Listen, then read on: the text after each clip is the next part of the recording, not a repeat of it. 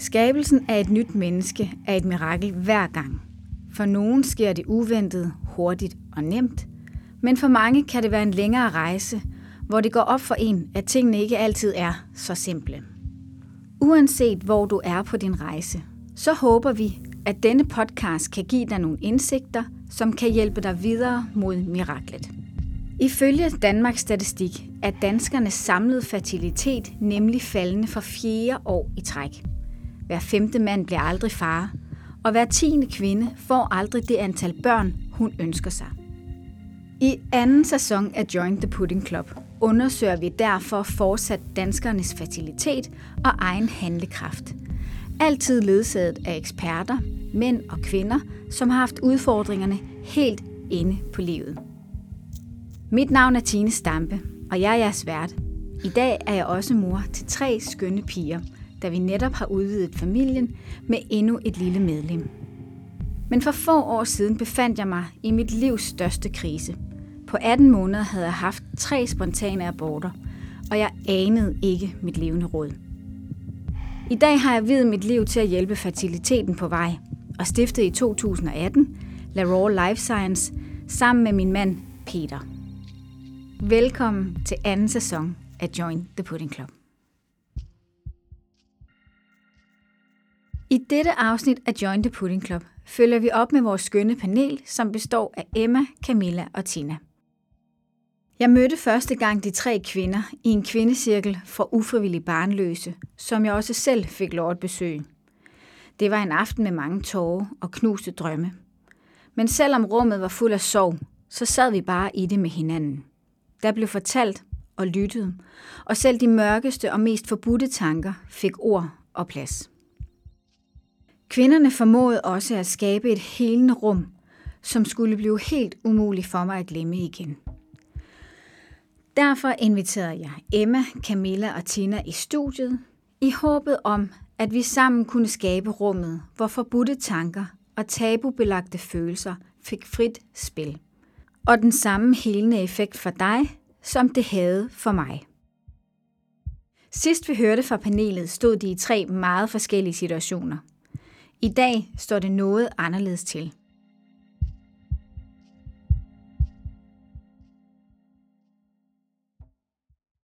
Hej. Hej. Hej med jer. Hej. Hvor er det dejligt at se jer. I lige måde. I lige måde. Og velkommen til anden sæson af Join the Pudding Club. Tak. Ja, tak. Det er virkelig, virkelig dejligt at se jer. Jeg har glædet mig helt ekstremt meget. Af flere omgange jo. Fordi vi jo faktisk blev lidt afbrudt øh, undervejs af det her corona og andre små søde ting, som vi skal tale om i dag. Men jeg starter lige bare lige med at give sådan en status på, hvor vi slap sidst. Øhm, vi fire, vi mødte jo hinanden i en kvindecirkel, hvor øhm, det var en kvindecirkel for ufrivillige barnløse. Jeg var der for at snakke om vitaminer og mineraler. I var der, fordi I var alle tre i fertilitetsbehandling med hver jeres historier, som I også fortæller om i, øh, i det aller, aller første afsnit af Join the Pudding Club. Og nu sidder vi her igen til anden sæson, og der er jo sket en del i mellemtiden, og siden vi sidst har set hinanden. Og øh, jeg tror næsten, at, øh, at jeg vil starte med dig, Emma. Du sidder derovre, men ikke helt alene. Nej, ikke helt alene. Jeg sidder med My Ja, på syv og en halv måned, som jeg har været så heldig at få. ja. Og hun prøver at, at fange mikrofonen Hun nu. vil gerne være med. Hun vil gerne være med. Det er dejligt. Så der er lige lidt skrætten og lidt rumlen, og måske lidt pludren i baggrunden, og det er også bare helt fint. Sidst vi mødtes, skal jeg også bare lige sige, at der var det jo faktisk et meget følelsesladet afsnit, og der var mange blandede følelser, fordi at øh, på det tidspunkt, der var du gravid, Emma, Mm. men du var den eneste af dig og Camilla og Tina, som var gravid. Og det skabte nogle dynamikker, som vi, som vi jo snakkede om på det tidspunkt. Nu sidder vi her så igen, og øhm, er i den situation, hvor du, Tina, hvor langt er du nu? 13 uger henne. Ja, tillykke med det. Tak. Det er super dejligt. Du stråler. tak. Og Camilla, Du sidder simpelthen og ammer. Ja, det gør jeg. Hvem ammer du? Jeg ammer Asta. Lille Asta? Er, ja, tre og en halv måned. Tre og en halv måned. Hvordan er det så, Emma? Nu, øh, nu har du den der baby, der gør... Har du ikke sovet i nat? Og alle de der ting. Ja. Hvordan Jamen. har det været? Det har, det har vendt mit liv på hovedet. det har det virkelig. Øhm, og sådan alle de der forestillinger, man havde og har gjort sig i så mange år, og så kæmpe klip til virkeligheden, hvor at jeg fik en lille pige, som havde kolik i fire og en halv måned, og Hun får lige en bold her, så hun gider ikke sidde stille. Det kan jeg også godt forstå.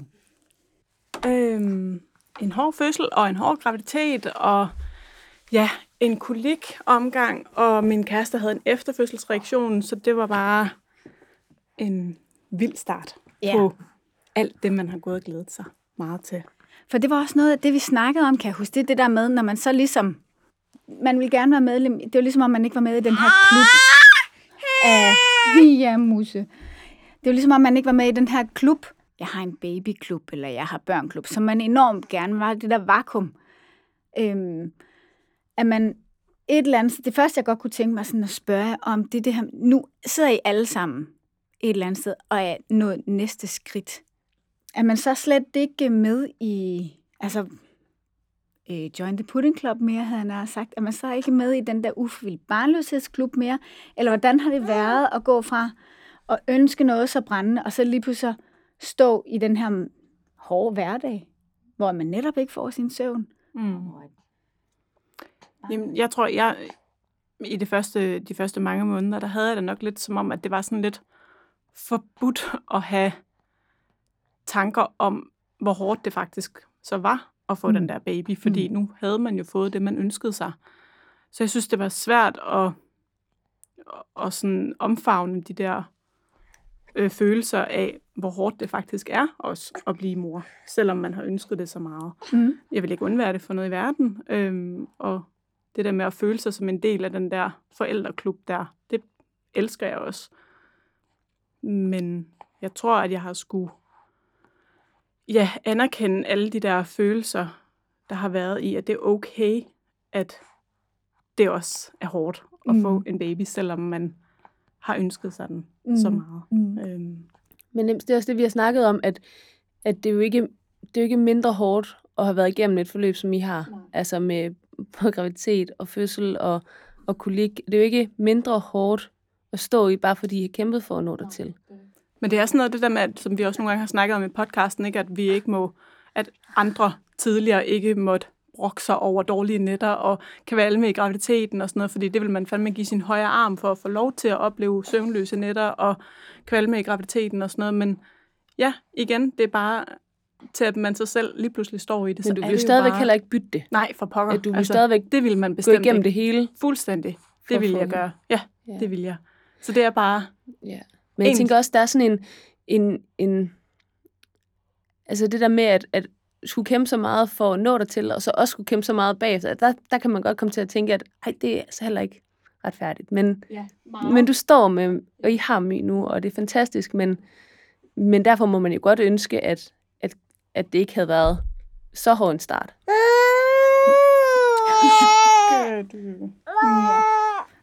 No. Hvordan, hvordan har det været for dig, Camilla? Fordi jeg synes jo, det er rigtigt, det er rigtigt set det der med, at man går den her periode, der er enormt hård. Man, kan ikke, man har ikke lyst til at høre om andres søvnløse nætter, og man har ikke lyst, altså man tænker bare, ja, du har det da i det mindste. Til lige pludselig og så selv være en af dem, der i virkeligheden også har lidt brug for at sige, ej, det er faktisk hårdt det her, når nu jeg er blevet gravid. Altså, men det er jo også en naturlig rejse, man er på. Og det er vel okay, er det ikke? Jo, jo, jo, det synes jeg, at det er.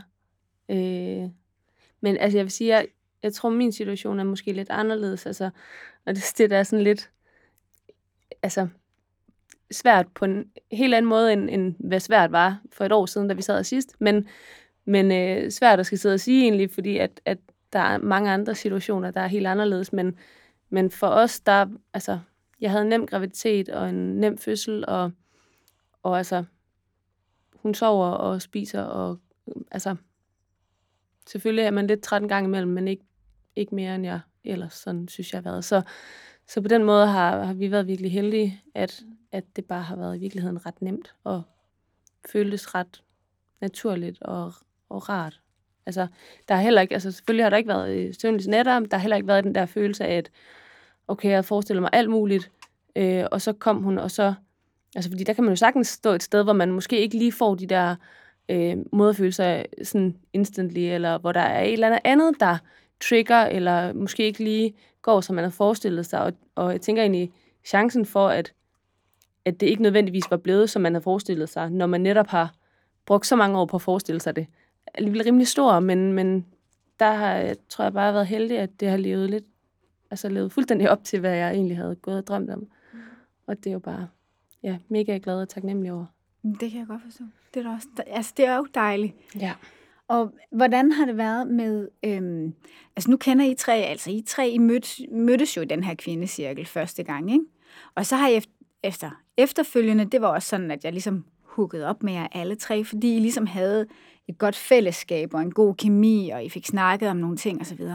Hvordan har det været den her rejse? Altså nu blev du først gravid, Emma. Så kan jeg huske, at du sad og faktisk var enormt berørt af det, mm. den dag vi snakkede om det. Øhm, og så kom I andre på sådan lidt drøbvis efterfølgende. Hvordan har jeres relation været? Hvordan har det været for dig, Tina, at se de andre øh, blive gravid før dig? Jamen, jeg har jo været glad på deres vegne, fordi som også vi har talt om det der med, at øh, når man selv ved, hvad det har, altså hvad man har offret for at komme dertil, så er det også bare en anden måde at, øh, ja, en anden, en anden følelse, det sætter gang i på en eller anden måde. Og øh, Camilla satte gang i noget i mig, fordi at, øh, hun skrev øh, til mig en dag, at øh, jeg skulle lige vide, at hun havde fået positiv test. Mm. fordi det her forum, der siger man jo ikke, at man er gravid. Det er fy. Man siger, at man har fået positiv test. Fordi... Nå, okay. Nej, det ved jeg ikke, om det er. Men det er mere sådan... Jamen, det er, også det er fordi, mere man... klinisk på en eller anden måde, hvor ja. det andet er mere følelsesladet. Og når man, når man er så, øh, så sårbar i det, så, så er det andet lidt nemmere at forholde sig til. Altså, Ja. Men, det er egentlig for ens egen skyld, ikke? At jo, man siger, at få en positiv test, men vi ved ikke, om det bliver til hverken graviditet Nej, eller barn. lige præcis. Ja, lige præcis. Der er ingen garantier. Nej. Men så skrev man... Camilla bare, at, øh, at hun godt forstå, hvis jeg var øh, hvis jeg blev påvirket af øh, at skulle være i går så den sidste. Mm. Eller sådan den, der var left, øh, altså øh, lavet, lavet tilbage, eller hvad man skal kalde det. Og den øh, følelse havde jeg ikke nået at have selv. Og det var lidt interessant, øh, fordi det Camilla fortæller mig jo så, at jeg nåede jo at have en positiv test. Øh, var det efter Emma? Ja. ja. ja, fordi sidst vi var her, der, der var jeg jo, og der sad vi og ventede på, at jeg skulle teste dagen efter, eller ja. sådan noget. Ja. ja. Øh, og den var også positiv, men det blev desværre ikke til noget. Øh, og det var lige den følelse, som Camilla havde haft. Ja. ja. Men jeg, jeg, jeg kunne sagtens kende den, da du sagde det. Mm. Jeg var bare ikke nået der til selv. Jeg er ikke så hurtig. Men altså. Ej, jeg fik, jeg huske, jeg fik sådan helt, ej, fuck, jeg skulle da ikke begynde at sige sådan noget, hvis ikke du selv havde tænkt tanken. det ned i hovedet af dig. Nej, men det var, det var rigtig fint, fordi det, det gjorde faktisk også, at jeg kom, jeg fik det bearbejdet meget hurtigere, end hvis jeg selv var kommet i tanke om det tre uger senere -agtigt. Ja. Men I har også så tæt en relation i det her, kan man sige, at det var okay, det var Camilla. Altså, hvis det nu havde været mod en, en anden, havde det måske haft en anden effekt. Hvis det var nogen, som jeg ikke havde delt den her historie med, havde jeg måske også været sådan et, hov, hov, bliv lige på din egen banehalvdel. Ja. Men det, det kan man ikke sige her, for det er sådan en stor mush af ja. fællesskabsfølelser. ja. Og det var også det, vi snakkede om. Altså, vi, eller I snakkede om også, nu siger jeg bare vi, fordi jeg føler også bare sådan, altså vi havde det jo virkelig sådan, vi er jo først i land, når der er tre mm. graviditeter, som ligesom øh, er succesfulde, ikke? Øh, det var virkelig den følelse, jeg også sad med herinde, da vi snakkede aller, aller første gang. Og så alligevel, da du blev gravid, Emma, så skiftede der bare noget i relationen, som, altså, som man et eller andet sted havde givet håndslag på, at det kommer ikke til at skifte. Men det gjorde det jo. Altså, det var sådan lidt, shit, altså jeg tænkte også her, da vi skulle, øh, vi havde jo faktisk planlagt et afsnit, som blev aflyst på grund af corona, øh, hvor at øh, Camilla var gravid, og du havde født Emma, og du var tilbage, nu siger jeg bare i citationstegn også, det, som den sidste, mm. hvor man netop tænkte det der sådan, og der var altså både Emma og Camilla skrev til mig, det kommer an på Tina. Hvordan er det også at få den der rolle sådan, altså øhm, med at, am, så er det Tina, det kommer an på, hvordan hun kan, hvordan skal man navigere i det der, uden at man skal føle, at man også er den, som alle skal tage hensyn til, eller som er, forstår du, hvad jeg mener? Mm. Jamen, det havde det faktisk enormt blandet med. Ja. Fordi der havde den nemlig lige præcis den lidt, altså, lad nu være med at gøre mig til den der sådan patienten i ja, den præcis. ja. Men samtidig havde det også lidt, hvor er det bare enormt hensynsfuldt og omsorgsfuldt, altså sådan, fordi, og det var også sjovt, fordi i den periode, det var faktisk en lang periode, vi prøvede at planlægge det der afsnit, der ja. havde jeg det jo, altså den ene dag havde det sådan lidt, det kan jeg overhovedet ikke overskue. Jeg kan overhovedet ikke overskue de der maver og de der babyer, uanset hvem det er. Og det andet øjeblik var sådan lidt, men jeg synes faktisk også, det havde været fint at lave et afsnit mere, hvor at, at det ikke var altså lutter, fryd og gammel. Fordi sådan er verden også. Mm. Og sådan er den her verden i, i særdeleshed. Øhm, også fordi vi har talt meget om det der med, at, at, at det, der er fint ved det her, har jo også været, at vi har altså vi har været så åbne omkring alt det, der har været så svært og sårbart, og i processen, og ikke i gåsøjen bare stillet os frem, da det så er lykkedes for at fortælle vores historie.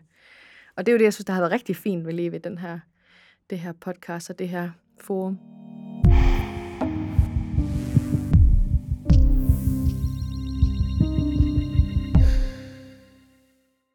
Hvordan er det for dig, Tina, at stå i det her mellem, nu står du ligesom med et ben i hver lejr, øhm, i forhold til, at du, du er gravid, så du, er, er du stadigvæk en del af den der øh, kvindecirkel for ufrivillig barnløse, eller bliver man smidt ud der? Ja.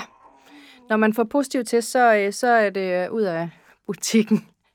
øhm, og det er faktisk lidt svært, fordi man øh, nu øh, har jeg jo øh, de her to søde dejlige damer, som er en del af, af en øh, gruppe. Og så har jeg faktisk også en anden gruppe, som jeg også har fulgt i øh, halvandet år, hvor vi har gået til de her netværksmøder og øh, kvindecirkler. Men også har haft sådan en, øh, en øh, messengergruppe, hvor vi har fulgt hinanden rigtig meget. Øh, og der, øh, jamen, der meldte jeg mig ud, da jeg havde positiv test. Fordi øh, vi havde faktisk lige talt om det. Og det var sådan, der var ikke helt konsensus om, hvordan... Der var nogen, der foreslog, jamen til nakkefolk, så kunne man gå ud, eller øh, når man havde set hjerteblink, kunne man gå ud af gruppen og sådan, men, men der kunne jeg bare mærke ved mig selv, at det havde jeg bare ikke lyst til, hvis det ikke var mig. Altså, jeg havde ikke lyst til at følge en andens graviditet til nakkefold, og så ikke se mere, hvis det var, det, hvis det var sådan, det skulle være. Øhm, så jeg meldte mig bare ud. Men, men så står man lidt der i en identitetskrise. Altså, jeg har været ufrivillig barnløs i seks år. Mm. Og det har jeg lært mig selv at kende i rigtig, rigtig godt og kan navigere i det. Øh, og så får man den her positiv gravitetstest, øh, og så, så, øh, så finder man ro i det et øjeblik. Så er der ikke så meget ro mere. Øh, og lige nu står jeg sådan et sted, fordi jeg er jo gravid. Ja, nu er du henten gravid. Jeg er henten gravid, og, og er 13 uger henne, og det er jo et godt sted at stå i virkeligheden. Men samtidig er jeg også lidt, jeg har jo ikke noget barn. Jeg er ikke nået dertil, hvor jeg... Jeg er faktisk stadigvæk barnløs, men jeg er jo gravid, og det er jo fantastisk. Det er bare øh, det er et svært sted at stå, fordi øh, jeg er blevet meldt ud af den anden gruppe, ganske vist lidt øh, frivilligt, men også på baggrund af de følelser, der jo også er sådan, mm. i sådan et forum. Øh, og så har jeg jo så, så er jeg jo lidt halvt med i den her gruppe nu, med Camilla og Emma, fordi de har fået deres mm. fantastiske børn. Øhm, så, så man står sådan lidt i limbo på en eller anden måde. Og det er sådan lidt fjollet sagt, men det føles sådan. Det føles, jamen det kan jeg godt sætte ja. mig ind i. At vi det snakker også om det i sidste afsnit, gør vi ikke det? Det tror jeg måske, jeg sagde det der med, at man netop, man står sådan in between, man hører ikke rigtig til nogen steder. Altså, man må ikke være med i den anden gruppe, man er heller ikke helt med i den der mødergruppe der endnu, og ja, det er noget, det er noget mærkeligt noget at stå i. Det så nu står man der, hvor man så ligesom, finder man så et nyt fællesskab? Altså nu tænker jeg jo, øhm, altså, så, der er jo mange i den her vi er gravid gruppe. Altså, der er jo, altså, har du veninder, der er gravide nu, eller hvem støtter du dig så til i de her dage? Altså min, min bedste veninde, som jeg også har fortalt om i et af de andre afsnit, hvor at, øh, vi havde et rigtig, rigtig svært øh, relation, da hun var gravid med hendes første. Hun er fire dage længere hen end mig nu. Øh, og det er jo ret smukt og fantastisk, og det, øh, det har vi meget glæde af den her gang. Ja, det er rigtig, rigtig mye. øhm, så har jeg meldt mig ind i nogle terminsgrupper på, på Facebook, men det er bare ikke det samme. Nej. Fordi det er sådan noget, det er jo, det er jo øh, alle over en kamp. Mm. Altså, der er ikke rigtig sådan nogle, der er ikke rigtig sådan nogle grupper, øh, som det her, hvor at det er kvinder, der er gravide efter fertilitetsbehandling, eller langt fertilitetsbehandling, eller hvad man skal kalde det. Men, men er man, man ikke sige... også lidt færdig med jo. det der? Altså det altså, jeg, jeg tænker jo i hvert fald, at, at graviditeten er jo sådan lidt mere midlertidig. Og det er fertilitetsbehandlingen jo heldigvis også for de fleste, men, men der kender man bare ikke udløbsdatoen. Du har en terminstatus, som du ved. og My ved. ja, My ved det. Øhm, altså, den, den, du ved jo, at du, du bliver mor om seks måneder, om et halvt år.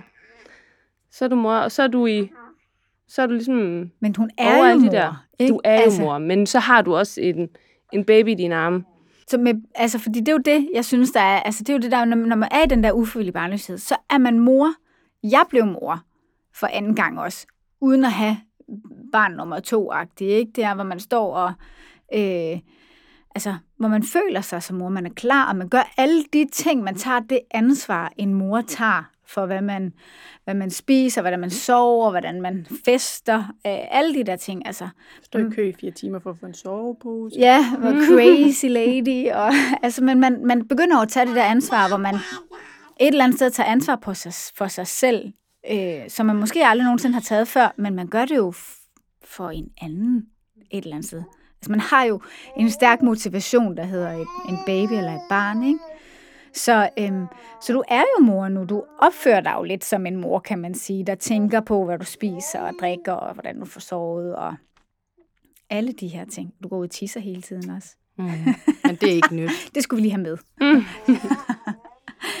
så, men hvordan er det så med øh, for eksempel, øh, vi sætter jo meget fokus på os kvinder, men der er jo også en partner i det her. Hvordan har det været for mænd? Har det været fuldstændig? Hvad tænker du, Emma? Har det været øh, det Mikkel? Altså har han, har han bare øh, været upåvirket af det her? Hvordan har han haft det i din graviditet? Og... Øhm, jamen, hvor jeg tog en positiv test, og sådan et eller andet sted godt vidste, at den var der, der var Mikkel øh, i Norge, og jeg ringede til ham på FaceTime og viser ham testen. Og så, øh, så siger han bare, hvad er det? og så er jeg sådan, ja, det kan du sådan set godt se. Og jeg havde faktisk lovet ham, at jeg ikke ville teste, men jeg havde allerede købt testen, inden han tog afsted. Så det, han spørger, det er bare, hvorfor har ja, du taget ja, en test? Ja, præcis. Ja. øhm, Nej, Emma. Og, øh, ja. og det, så han, øh, altså hvor jeg sådan blev meget fyldt med både lykke, men også selvfølgelig sådan den der angstfølelse der, der, der var han meget tilbageholden i hans glæde, og han, han sprang ikke rigtig i med begge ben, før vi var efter u 20 faktisk. Øhm, og også et stykke efter det, fordi vi skulle lige over et bump på vejen også til, u 20, til 20 års scanning og sådan noget, og jeg blødte helt op til u 16-17 stykker og sådan noget. Han var bare enormt påpasselig, fordi han bare passede på, og han passede på os, og han vidste jo, hvordan at jeg især ville få det, hvis det nu ikke blev til noget. Øhm, og det var egentlig svært, det der med, at jeg lige pludselig havde brug for at være glad, fordi jeg i så lang tid havde været ked af det. At han så ikke ligesom hoppede med på den. Så, hvad så, så blev, du, sådan, hvad, blev du sådan, hvordan taler man så om det derhjemme? Sådan, kan du ikke være lidt glad, eller jo. blev man irriteret på ja, hinanden? Ja, det gjorde jeg egentlig. Var han sådan, mm, kan du ikke se, eller var det noget sår, der kom hos ham, eller hvordan? Jamen, det var, det var svært at sådan rumme det, fordi det på en eller anden måde bare var sådan, kom nu, nu skal vi være glade. Øh, men jeg skulle også et eller andet sted prøve at rumme, at han så passede enormt meget på og passer på sig selv. Øh, så det var sådan lige sådan en ny måde, man lige skulle finde hinanden på. Øh, og da han så ligesom begyndte at kunne mærke liv, og efterhånden ligesom efter uge 20 der, så, så skete der noget. Altså, øh, så turde han tro på det? Ja, så turde han ligesom gå mere med ind i det. Og Tina, du har sagt, at det har påvirket lidt hjemme hos jer. Ja. Øhm, vi er jo blevet fuldt ud på videre på den der enhed for gentagende graviditetstab, så vi er faktisk blevet scannet helt fra uge 6, øh, og har en scanning her igen om 14 dage. Øhm, og der, øh, der var, vi har talt meget sådan i, hvis det nu bliver en baby, og øh, øh, hvis nu, og sådan, altså det har meget, meget hvis, at det bliver en baby, på trods af, at vi jo begge to er fuldstændig klar over, at, at, at der er en, der sker noget inde i, altså der er en graviditet, der er på vej. Øhm, så har det bare, øh, det har fyldt meget den der med, at vi har, jeg tror, vi har passet på os selv, men også passet på hinanden, det der med ikke at begynde at glæde sig Øh, fordi, øh, og det er jo noget pjat, fordi man bliver lige ked af det, hvis det går til, men øh, det er bare sådan en øh, forsvarsmekanisme. Mm. Men jeg tror, det var, da vi havde været til... Øh, vi var inde og blive scannet i uge 10 eller 11. 10, tror jeg, det var. Og der begyndte det at ligne en lille baby. Altså på scanningen. Mm. Og der var det også sådan, at... Så ligger der det der, den der lille bønne der med, ja, med, med arme og ben og et hoved og, sådan, og, og ligger og spjætter lidt. Altså det der, man kan se, der er aktivitet, der er liv. Virker også en fuldstændig skørt, når man ikke kan mærke det. Men, øh, så øh, der, der, der kom Anders lidt ind i den der, vi skal da også have en ny bil. Vi kan da ikke have en barnevogn bag poloen. Altså, så den der sådan, der skete noget for ham, at, at nu begynder det at ligne noget. Mm. Øh, og så havde vi aftalt, at efter 20 ugers scanning, så kunne vi komme ind og kigge på barnevogn og sådan noget. Men så har jeg lige spurgt, om vi kan gøre det efter den der sidste scanning på enheden for gentagen graviditet. For jeg kan godt mærke, at nu begynder det at boble i mig. Nu begynder jeg at komme dertil, hvor at jeg godt kan glæde mig, og faktisk godt gider at udnytte tiden nu til at gå og finde ud af, hvad for en barnevogn skal vi have, og en autostol, og skal vi have vugge, eller krybe, eller sideseng, eller whatever. Jeg ved ikke engang, hvad det hedder endnu. Men alle de der ting, som man godt vil ja, undersøge og gå og glæde sig lidt og sådan på den måde. Ja. Men øh, altså vi har, øh, men han er bange for, han har sagt til mig, at, øh, at han er bange for, hvis det her ikke bliver til noget, hvis øh, der for eksempel er et eller andet altså voldsomt galt til misdannelsesscanning eller, eller andet, så er han bange for, at det her det ligesom skulle være vores barn, og hvis det ikke bliver, så, så kommer det aldrig til at ske. Øh, så han har en angst i sig, han har svært ved at, øh, at slippe. For, for, for han talt med nogen om det? Altså bruger drengene deres netværk? Altså ikke, ikke i det her tilfælde hos os. Det, det nej. Så det er meget sammen med jer, ja. de taler om de her ting. Ja. Ja. Hvordan har det været hjemme hos jer, Camilla? Har I, har I... Mm, jamen, egentlig sådan okay, øhm, i, i den forstand, at, at som, jeg, ja, som jeg sagde før, at vi var ikke sådan virkelig ramt af en angst for, at det skulle gå galt. Nok også fordi vi havde den der helt konkrete ting, der var gjort anderledes, altså at ægget var blevet lagt senere op, som, som ligesom, det gav mening, at det er derfor, det ikke er sket før. Så derfor så kunne jeg ret hurtigt slippe den der angst for, at der skulle gå noget galt. Øhm, altså jeg var jo hurtig til at sige det til alle. Altså det gjorde jeg jo på dagen, jeg tog testen, sagde jeg jo det til alle, alle de, de tætteste nærmeste for mig. Og det inkluderede altså, relativt mange, som jeg sådan bare sagde det til. Og, og hvor masse side af, af venneflokken ligesom først fik det at vide, da vi havde været til 12 års scanning. Øh, men så var han også all in. Altså, det var med scanningsbilledet på, øh, på en vin, og hov, hvad var det for en særlig vin, jeg lige havde med? Øh, den kunne jeg, altså sådan, at han så gjorde det på en hyggelig måde, og så var han også klar til at ligesom skulle dele det med alle. Øh, så, så ja.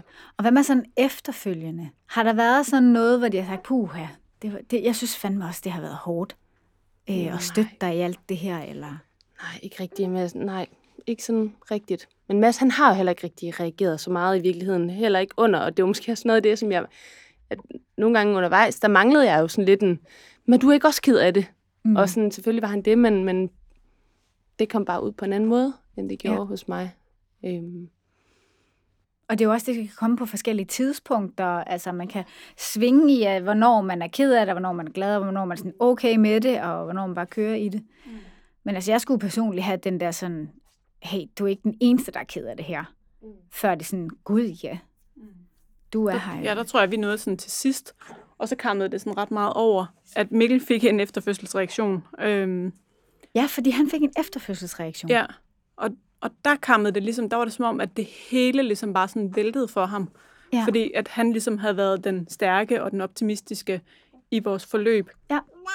Men så knækkede filmen ligesom lidt, da det så var en meget voldsom fødsel, og My fik øh, kolik.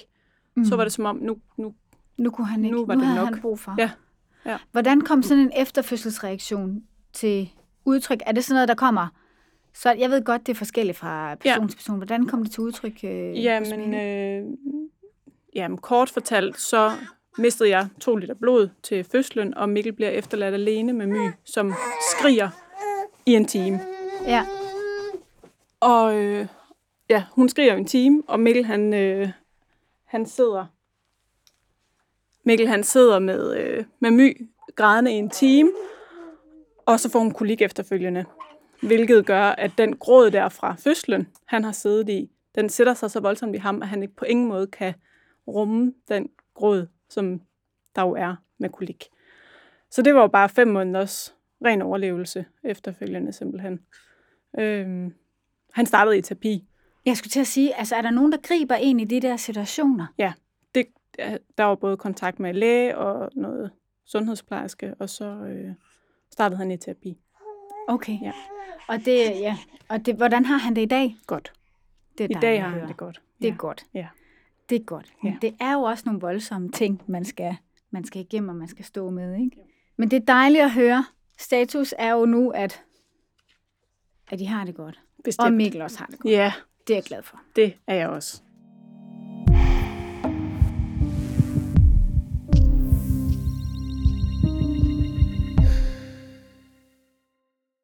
Vi har talt om før det her med, når andre folk er kommet med gode råd, som du skal bare få en hund, eller hvis du nu slapper af, og alle de her øh, gode råd, som man egentlig, altså velmenende råd jo, øh, i bund og grund, fordi folk vil jo bare gerne hjælpe, kan man sige, men som man måske ikke lige har behov for, når man står i det.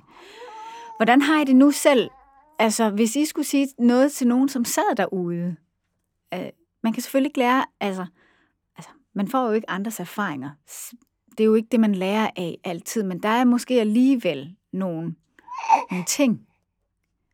Hvad, hvad, hvad, tænker, hvad tænker du om det, Camilla, i forhold til, altså passer du på med at give andre kvinder i fertilitetsbehandling råd?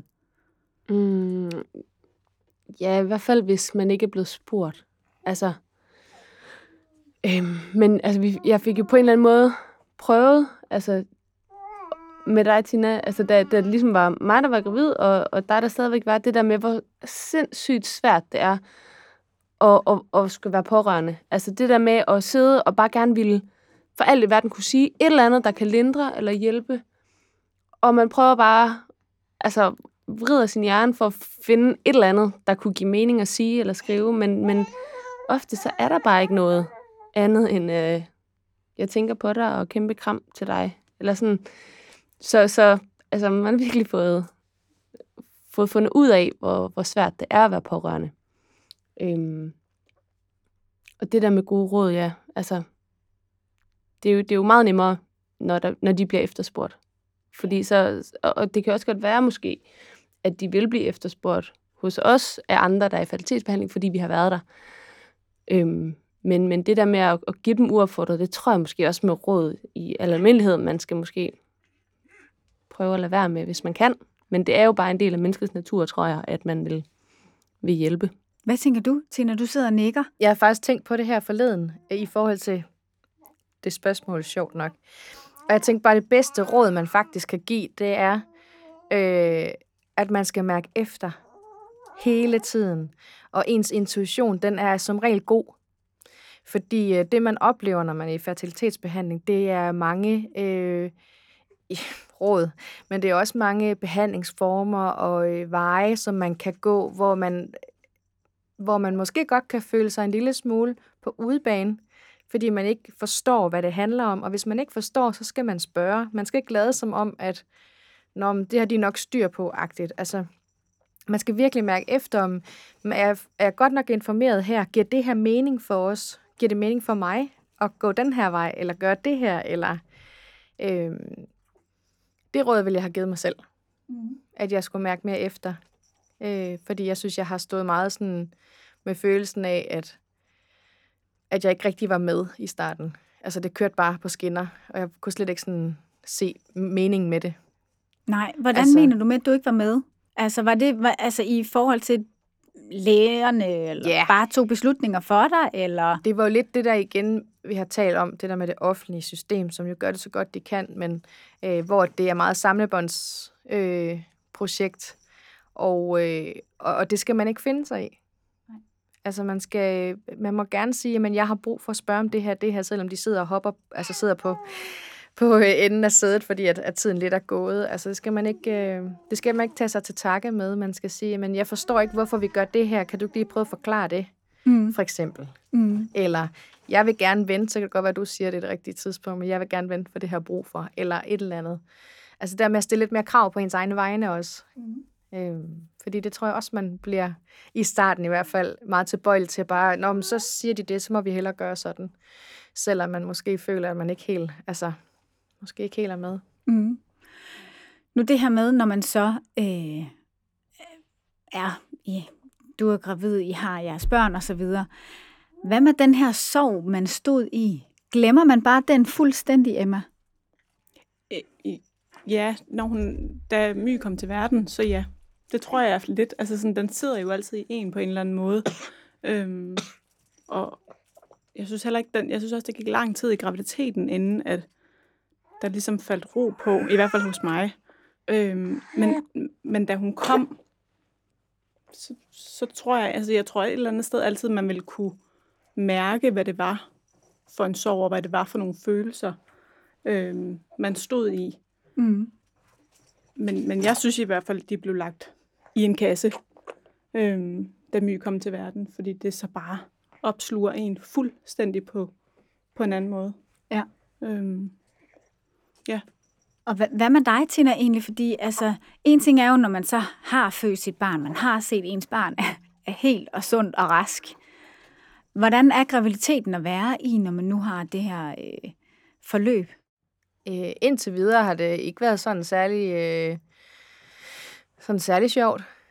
Øh, jeg skal lige sige, at jeg har haft en øh, ganske øh, symptomfri graviditet i virkeligheden indtil videre. Øh, ligesom Camilla har jeg heller ikke haft øh, kvalme eller så rent fysisk har, den, har, du, har du en rigtig god graviditet. Ja, altså jeg har jo været frygtelig oppustet, som jo er super ubehageligt, fordi jeg har fået så meget progesteron, fordi, for at holde på graviditeten, da den jo ikke er lavet inde i, inde i kroppen. Øh, men det, og så har jeg jo sovet fra uge 6 til uge, uge 11. Men, ja, du øh, har følt dig øh, træt som et alderdomshjem, skrev du til mig. ja, sådan ret, øh, ret øh, ekstrem øh, øh, baby fatigue, tror jeg, jeg vil kalde det. Det kommer sikkert igen, når den kommer ud. Men, øh, øh, men ellers så har det været sådan fysisk fint. Det psykiske har været rigtig, rigtig, rigtig svært. Og, øh, og det tror jeg også, jeg har været ekstra træt af. Fordi man bruger rigtig meget energi på at bekymre sig og være nervøs. Og, øh, er alt nu, som det skal være? Ja, og uvidsheden. Også fordi, når man så også har, har været igennem nogle aborter, sådan, øh, da vi nåede på den anden side, der hvor jeg havde min første abort, som i virkeligheden var der, hvor vi var nået længst, øh, så, øh, så tror jeg, at nogen gik lidt ud fra, jamen så, nu er du jo home safe, fordi nu er du jo kommet længere, end du nogensinde har været. Men i virkeligheden, det der skete, var jo bare, men hvad så nu? Mm. Fordi nu kommer uvidsheden. Nu kommer vi ind i en lang periode, hvor at alt kan gå galt, fordi vi ikke ved, altså... Og hvor du ikke har været før. Altså... Og hvor man ikke har været før. Det er totalt ukendt grund.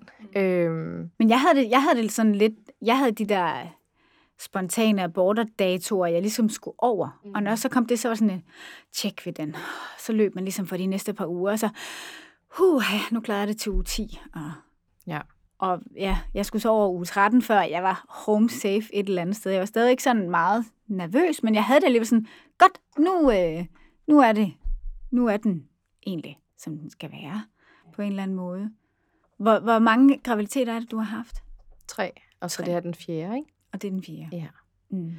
Øhm, men det er også, jeg tror også, jeg tror også nogle gange er problemet lidt, at når man har været i det her game i så lang tid, så nu er jeg både en del af den der øh, ufrivillige barnløsheds øh, segment, og så også det der øh, gentagende graviditetstabs segment. Mm. Man får så mange historier, og man skal virkelig passe på sig selv i forhold til ikke at, at tage dem ind, mm. fordi at, at de man skal huske, at oftest er det nogle helt vildt unikke øh, og, og ikke særlig sådan generaliserende oplevelser, folk har, så man mm. behøver ikke putte det ind i sig selv, men det kan være rigtig svært at sortere i.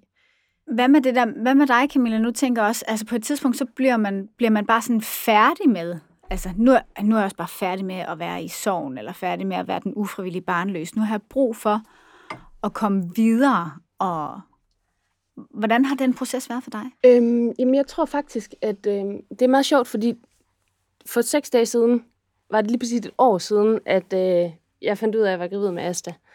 Øh, så der gav jeg det faktisk nogle tanker, det der med, sådan, hvornår man slipper sorgen, og hvornår man, man lader sig øh, komme ud af den der boks, eller den der kasse, der hedder ufrivillig barnløs. Øhm, og jeg tror faktisk, jeg havde sådan en følelse af, at fra den dag, altså fra den 1. juni, altså jeg kan bare huske, hvor glad jeg var, og hvor lettet. Altså det var som om, at jeg blev 100 kilo lettere. Altså den der sorg, den forsvandt bare. Og så selvfølgelig var jeg, altså var der lige nogle tidspunkter ind imellem de scanninger der i den første tid af graviditeten, hvor jeg sådan var nervøs og godt kunne få tanken, okay, men det kunne være over, når jeg kommer ud for den scanning her, så kan det være, at, at der ikke er mere. Mm. Øhm, men ud over de der sådan, små øjeblikke i løbet af de første måneder, så har sorgen bare været, været sådan forsvundet. Fuldstændig. Altså, og det har bare været sådan lykkeligt. Jeg havde det sådan, at øh, for mig så var det faktisk sådan, jeg glemte den. Og så kom jeg i tanke om den. Blandt andet ved at møde sådan nogen som jer, hvor I fortalte om jeres. Og så kunne jeg mærke, okay, der ligger bare noget her, som jeg simpelthen ikke har fået snakket om undervejs. Men det er jo det, I har været gode til. Og I har kunne bruge, hvor meget har I talt sammen i gruppen? Hvor meget har I brugt hinanden? Jeg tror, I har brugt hinanden, Camilla og Emma. I har brugt hinanden meget, mens I begge to har været gravide, ikke? Jo. Ja. Jo.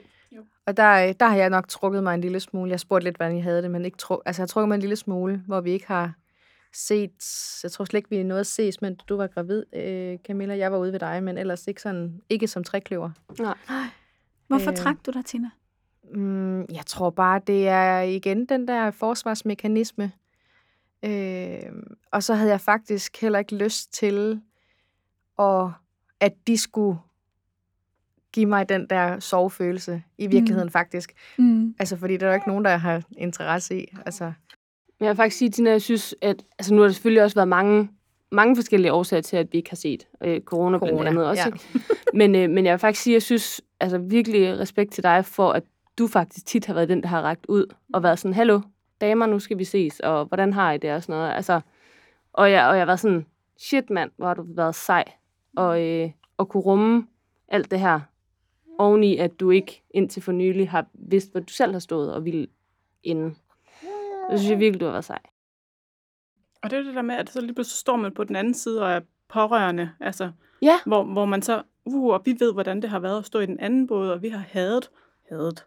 Altså, vi har bare været så kritiske over for folk, der har kunne gå et skridt forkert, og så har hele ens verden faldet sammen. Så det der med lige pludselig selv at stå, så uha, Og har været så man bange bliver så for... forsigtig, Ja. og fordi man er så bange for at såre, og, og gøre ked af det, og sige noget forkert. Ja, og, og så man egentlig måske nogle gange er kommet til at gøre alt det, som man har siddet her og sagt, Mm, mm, mm. øh, det skal man lade at være det skal man lade være med. For eksempel sådan noget med at, okay, jeg kunne godt lige skrive, men åh, jeg ved snart ikke, hvad jeg skal skrive. Og, altså sådan, at man måske også selv har trukket sig lidt i et forsøg på at, at beskytte. Og sådan, at, altså, ja, det siger jo virkelig noget om, hvor pisse svært det er, når, når os, der har stået midt i det, og lige præcis ved, hvad vi egentlig selv har haft brug for, ikke har været i stand til at gøre lige præcis det Mm. for en, som, som ved det hele, og som vi har stået virkelig nær og gået igennem vores livs krise sammen med, agtigt. Har det ændret jer som mennesker at være igennem sådan nogle øh, hardcore fertilitetsforløb? Det er jeg slet ikke i tvivl om, det her. Nej, 100 procent. Hvordan har det ændret jer? Det er et stort spørgsmål. Øhm, Altså, jeg tror, hvis man i hvert fald skal... Altså, jeg tror i hvert fald, jeg har, jeg har behov for at se på det positive, eller hvad man kan sige. Altså, hvordan har det ændret mig på en, på en positiv måde? Altså, hvad, hvad har jeg fået med her, som, som har været godt, udover Asta selvfølgelig, men øhm, det har været sådan noget med, at, at har fundet ud af, hvor min egen grænse går, og fundet ud af, at jeg skal passe på mig selv, og, og det gælder jo i det her, men det gælder også, når man er mor til en, en treårig, der er all over, og, og måske ikke så nem, som jeg synes, hun er nu, men altså det der med, at ja, at man også måske der er i stand til at sige, jamen, mit, mit liv er fyldt med ting, jeg gerne vil, men jeg bliver nødt til at finde ud af, hvad der er vigtigt for mig, sådan så jeg passer på mig selv, så jeg ikke brænder sammen, fordi nu har jeg også en, en ekstra ud over mig selv, jeg skal passe på. Altså sådan, nogle, sådan noget med at, at tage sig selv alvorligt, det tror jeg, det var noget af det, vi snakkede om til, i, den aller, i det allerførste afsnit, det her, som vores terapeut Tina havde sagt, altså at vi skal tage os selv alvorligt, altså i alle livets hensener, og både når man står i sit livs krise, men også bare i sådan en hverdagssituation, hvor man også bliver nødt til at passe på, at man ikke får taget munden for fuld af gode ting, og, og ting, der presser og stresser, og men at man prioriterer og kigger på, hvad der er vigtigst. man lærer sig selv bedre at kende, ikke? Ja, altså, præcis. og det, det er jo altid en god ting øh, i livet, og et, altså ens perspektiv bliver jo også bare, man, man kan rumme og forstå på, på, på mange nye måder, synes jeg. Ikke kun i fertilitetsbehandling, men det der med, at man virkelig finder ud af i fertilitetsbehandling, at alle følelser er, er okay. Og det er som om, det kan man jo også tage med i rigtig mange andre situationer, at, at det, som folk de føler, det er bare okay. Øhm, og det tænker jeg er en meget god ting at kunne, kunne tage med videre, hvis man netop skal fokusere på det positive. Ikke? Mm.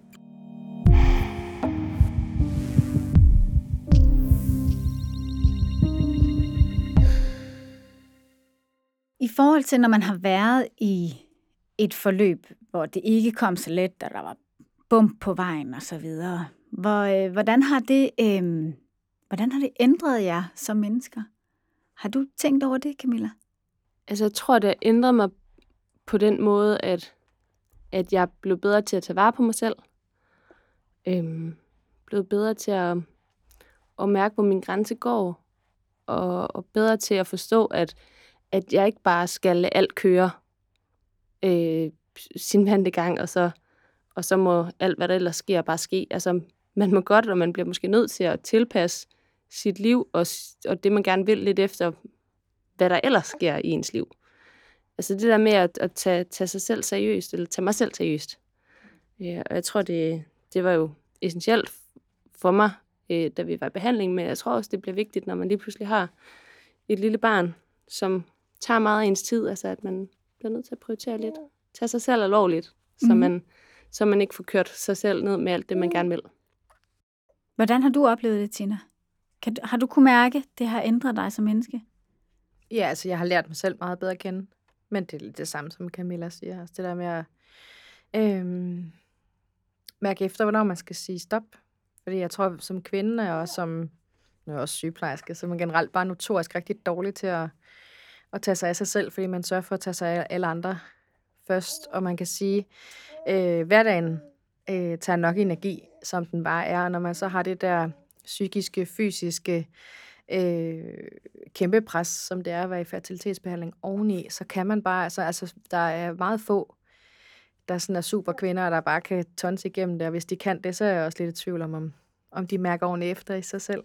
Mm. Øh, så der skal man, altså, så jeg har lært mere at sige, jamen, øh, jamen, øh, jeg skal ikke med til det der, eller jeg vil gerne gå ned i tid, eller Mm. øh, sådan noget. Hvis der er noget, jeg også synes, som kendetegnede jer alle tre, første gang jeg mødte jer, så var det jeres øje for hinanden. Jeg synes, der var helt vildt særligt. Altså, jeg havde virkelig øje for, hvordan hinanden havde det. Så jeg tænker også det der med empatien. Og så en anden ting, som jeg også tænkte over, det var det der med, hvis der var en af jer, der var ked af det, så turde I stå i sorgen med hinanden. Og det var ret rørende, synes jeg, at se og opleve gennem hele det her. Altså den form for empati, man i virkeligheden kommer ud med. Og for mig, så, øhm, altså, et eller andet sted, så mødes vi jo som unge kvinder. Øhm, men altså, jeg ser jer som nogle meget, meget powerful kvinder. Også nu, altså, og I vokser bare hele tiden. Jeg tror ikke, jeg har mødt en kvinde, der har været i fertilitetsbehandling eller stået i det, der ikke er kommet ud på den anden side. No matter, hvordan hun har haft det undervejs, og no matter outcome, som ikke står stærkere. Selvfølgelig er der nogle ting, man skal have bearbejdet og snakket om. For mit eget vedkommende, så reagerer jeg også lidt langsomt, ligesom dig, Tina. der var lige nogle ting, hvor jeg slet ikke... Det var sådan et interview øh, med, med hendes verden, hvor intervieweren spørger mig om noget, hvor det lige pludselig går op for mig, jeg er helt vildt bange for, at jeg, altså, jeg har gjort noget forkert med min datter, eller et eller andet, jeg har lavet hende forkert, eller sådan noget, og bryder ud i sorg øh, lige der, on the spot-agtig. Så det der med, at man får bearbejdet noget sorg, men det har I været simpelthen så dygtige til undervejs. Var det et råd, I ville give med til andre, at de skal sørge for at få det der i talesat, og så, hvordan er man i sorgen og går ind og ud af den? Hvordan har du oplevet det, Emma? Øhm, jamen, jamen, som jeg sagde lidt tidligere, så synes jeg egentlig, at den er sådan pakket lidt ned i en kasse nu. Øhm, men, men ja, jeg vil, øh, helt sikkert altid anbefale at gå i noget terapi, og jeg synes, det med gruppeterapi har været meget gavnligt, fordi at man simpelthen taler samme sprog. Øhm. Ja. En anden ting, som der jo også er, det der med, at det, som jeg også oplevede, det var jo, altså første gang, jeg mødte jer, der øh, mødte jeg også tre mødre uden børn. I var super gode til at tage vare på jer selv allerede der, til at sige til og fra. I havde ligesom lært, at det var I nødt til i det her. I var nødt til at prioritere jer selv og jeres familie et eller andet sted. Ikke? Så I var jo et eller andet sted for mig. Så føler meget, at jeg stod over for tre mødre uden børn et eller andet sted. Øhm, nu øh, har I så fået børn under os i en global pandemi. Hvordan har det været, det der med, altså corona, har det været sådan en blessing, for hvis der er noget, corona har givet os, så er det ro. Hvordan har det været for dig, Camilla, det der med at skulle få et barn, og så ikke kunne vælte ind med barselsbesøg og... Mm. Jamen altså, jeg, jeg tror i virkeligheden, at, at, øh, at, at vi var meget heldige med, at det var lige præcis der, hun kom, fordi øh, at, at samfundet jo lige så stille er åbnet op, så i takt med, at hun ligesom er blevet ældre. Men de første par uger er det jo, er det jo egentlig bare meget fedt, at, at der sådan ikke per automatik er helt vildt mange, både venner og familie, der forventer et besøg.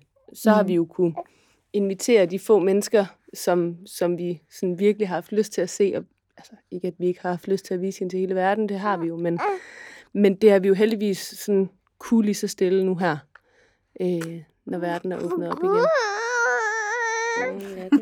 Hun taler med lille Asta. Tror jeg, der har været, tror jeg, det har gjort en forskel? Altså nu er både du, Camilla, blevet gravid nærmest under corona. Og, og hvad med dig, Tina? Du var jo også, du blev også gravid øh, under nu her corona. Ja. Tror I, det øh, har været med til at gøre en forskel? Altså, jeg må jo indrømme, jeg har ikke... Jeg har... Øh, mit liv er ikke sådan øh, fundamentalt ændret af, at der var global pandemi. Det, der har været øh, det største, det har været, at jeg skulle have mundbind på på arbejde. Men det har i, i et stort omfang også skulle have haft alligevel, fordi vi havde alle de der isolationspatienter i forvejen. Så øhm, nej, jeg tror faktisk for nogen må corona der også har stresset mere, end det har givet ro, fordi øh, i hvert fald i fertilitetsverdenen og i fertilitetsbehandling af alle dem, der går på offentlige klinikker, der er mange offentlige klinikker, der har været lukket.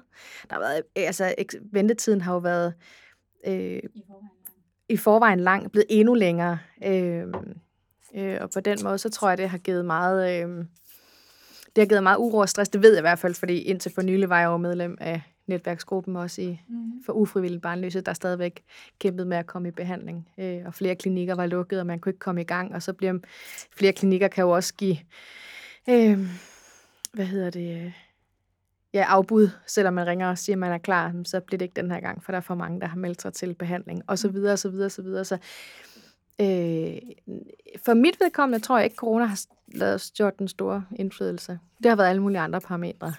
Ja. Har I gjort noget anderledes? Altså hvis folk nu sidder, altså, fordi det er jo sådan noget spørgsmål, jeg får rigtig meget sådan, hvad skal jeg gøre? Jeg står her, og vil gerne være gravid, og så videre. Er der et eller andet, I har gjort anderledes, hvor I tænker, det var sgu et eller andet, eller hvor, hvorfor lykkes det for dig, Camilla, ved du det?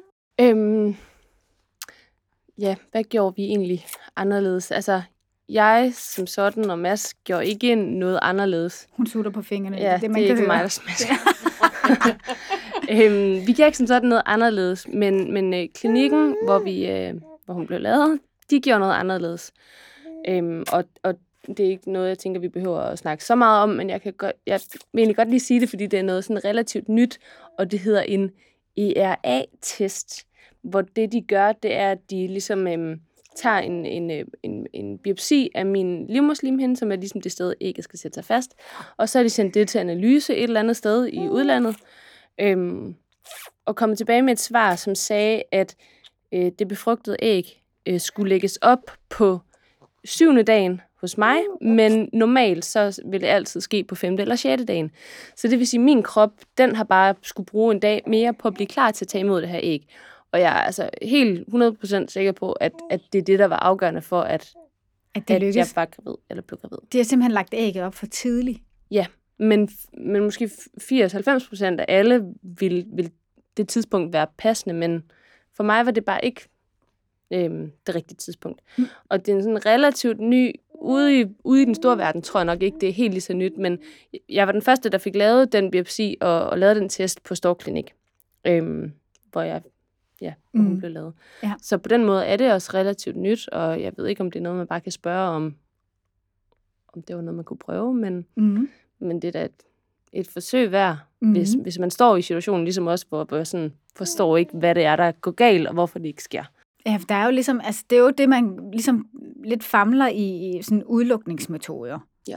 Agtigt. Nå, okay, det var ikke det, så må vi prøve noget andet. Så skal vi se, om det, det så sker. Hvad med dig, Tina? Har, har I gjort noget anderledes den her gang? Ja, øhm, vi, øh, vi blev jo udredt ved enheden for gentagende graviditetstab, som ikke fandt noget, men tilbyder os den der sådan, sådan observationsbehandling, tror jeg, man kan kalde det, hvor at man får ekstra scanninger og blodprøver, øh, når man bliver gravid. Så det er ikke noget, der sådan kan forebygge eller hjælpe, hvis, hvis der er mistanke om, at man mister på, øh, på baggrund af, at der er noget miljø eller et eller andet. Øh, så, øh, så havde jeg, øh, jeg er lidt overvægtig og har PCOS, øh, så havde, det er ikke første gang, men det var også en del af den her gang. Jeg tabte mig lige en 4-5 kilo øh, for min egen skyld, og øh, så prøvede vi lang behandling. Vi har kun haft øh, kort behandling indtil videre, fordi jeg har stor ægreserve og ingen cyklus. Det må du lige forklare. Hvad Ja. er lang behandling? Øh, den lange behandling er, hvor at øh, man, nu ser jeg situationstegn, normalt, øh, hvis man har en normal cyklus, øh, på 21. dagen i den normale cyklus, så begynder man at nedregulere med noget hormon. Og det hormonet gør, det er at gå ind og lave sådan en kunstig øh, overgangsalder, kunstig menopause, sådan at man ikke selv producerer det næste æg. Sådan at kroppen går fuldstændig i nul. Så alt det, du får udefra, øh, alle de hormoner, der bliver tilført, som, som lægen har ordineret, det er så kun det, kroppen den reagerer på. Øhm, det har man ikke vil gøre ved os tidligere, fordi jeg har så stor ægreserve, og fordi jeg i forvejen er i høj risiko for at blive overstimuleret, altså danne for mange æg til, at kroppen faktisk kan kapere det Okay. hormon-release, der kommer, når man får ægløsning. Mm. Øhm, men øh, alternativet var lidt, øh, at vi skulle prøve at kigge på ægdonor, fordi vores læge havde en, en øh, idé om, at jeg havde dårlig ægkvalitet. Mm. Øhm, og det var rigtig svært. Men vi prøvede det her, og det var vores aller sidste forsøg, selvfølgelig. og det gik bare rigtig, rigtig godt. Det føltes rigtigt, det føltes øh, rart. Jeg fik meget færre hormoner, end jeg faktisk har fået i alle de andre forsøg. Øhm, ægudtagningen gik fantastisk. Øh, alle de andre har jo været fuldstændig forfærdelige. Hvordan? Hvad var forskellen? Altså, Jamen forskellen var igen det der, med, det der med at mærke efter, hvad har man brug for. Så jeg skrev faktisk en mail til vores behandlingslæge og sagde, jeg har brug for, at de, øh, det er jo, øh, hvad hedder det, øh, narkosesygeplejersker, der er ansat lige på den her klinik. Jeg har brug for, at de ved, at jeg har en virkelig lav smertetærskel, og jeg synes, det har været forfærdeligt de andre gange, så jeg har brug for, at de giver mig alt det, altså hatten kan, kan mm. trække. Øhm, og, øh, og det skrev han bare tilbage, det kan du tro, det skal jeg nok se videre. Altså det der med at handle på nogle ting, som man jo egentlig ikke måske tror, man kan handle på. Øh, og så sagde jeg det også, da jeg kom ned i klinikken, og så var det min, altså min egen behandlingslæge, det er første gang, han tager æg ud, og det var han vanvittigt god til.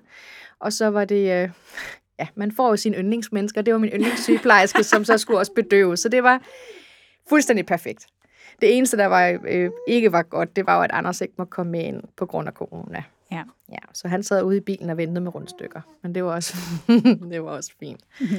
Ja, og så øh, fik vi et flot antal æg ud, og de var flot befrugtet nærmest alle sammen. Og så fik vi det her helt perfekte ottecellede æg op på tredje dagen på min mormors fødselsdag. Hun er fuldstændig overbevist om, at det var det, der gjorde det, og ikke alt det andet.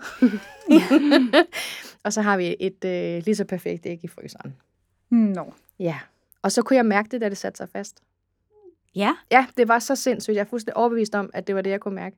Hvordan? Altså sådan et øh, stik? Sådan eller en helt, øh, helt specifik, øh, skarp muren stikken et helt speci- specifikt sted nede i min livmor.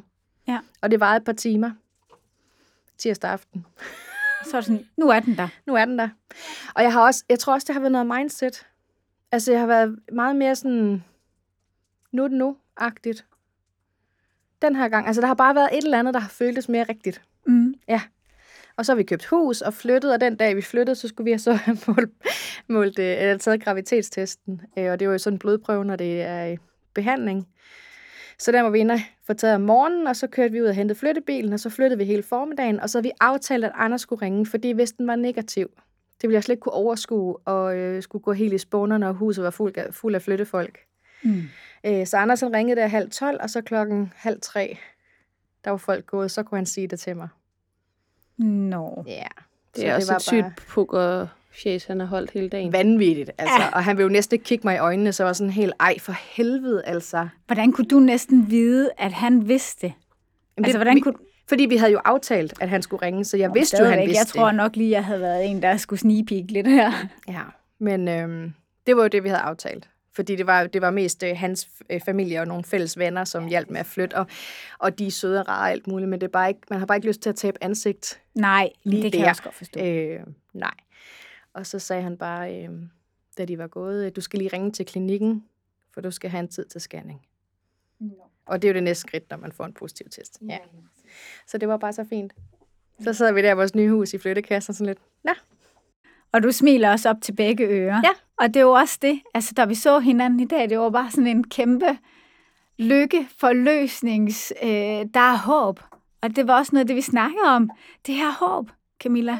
Ja, jeg tror, det var sådan i hvert fald tanken om, at, eller som jeg snakkede om, jeg synes, det var faktisk lidt svært at skulle ind og snakke og lave et afsnit mere, og så alle dem, der måske har fået sådan den der ro, man også selv fik ved at høre, at, at okay, man var ikke alene, og der er andre, der også står midt i det. Øhm, altså i samme, samme setting, ligesom, og lige pludselig stå og være på den anden side.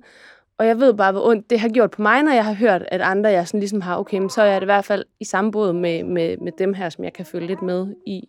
Øhm, og at vi så lige pludselig alle sammen ude på den anden side, det var sådan, åh, jeg synes, det er svært at skal ind og, og, og fortælle om det, fordi det er så sårbart.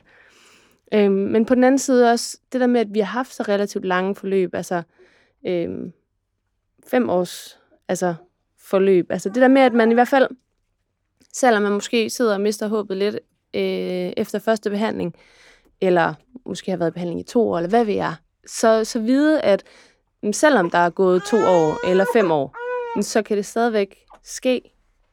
Øhm, det håber jeg kan give noget håb. Selvom, selvom det gør ondt, når, når andre bliver gravide. Det ved vi jo, at det gør. Jo, det gør det jo. Men, altså, men det sker jo også. For langt, langt de Heldigvis. fleste, så sker det jo. Ja. Og øh, det kan også være uoverskueligt at høre fem år, hvis man lige er gået i gang. Ja. Altså, og ja, det er også de færreste, hvor det tager fem år. Lige præcis. Så man, man, man, skal huske at have, man skal huske at sige det hele et eller andet sted. Men, men med det sagt, så vil jeg bare sige tusind, tusind tak, fordi I havde lyst til at komme ind igen og, og snakke om det her. Øhm, som sagt, det har betydet rigtig meget for mange, så der er også mange, der har haft lyst til at høre, hvordan I har det. Og I har det jo godt alle sammen, kan jeg i hvert fald også lige se øh, på de store smil og så videre, i hvert fald lige nu. Mm. så det kan godt være, at man ikke forstår så meget, Emma. ja, det. Men uh, tusind tak, fordi I kom i dag. Selv tak. Selv tak. Det er rigtigt. Selv tak.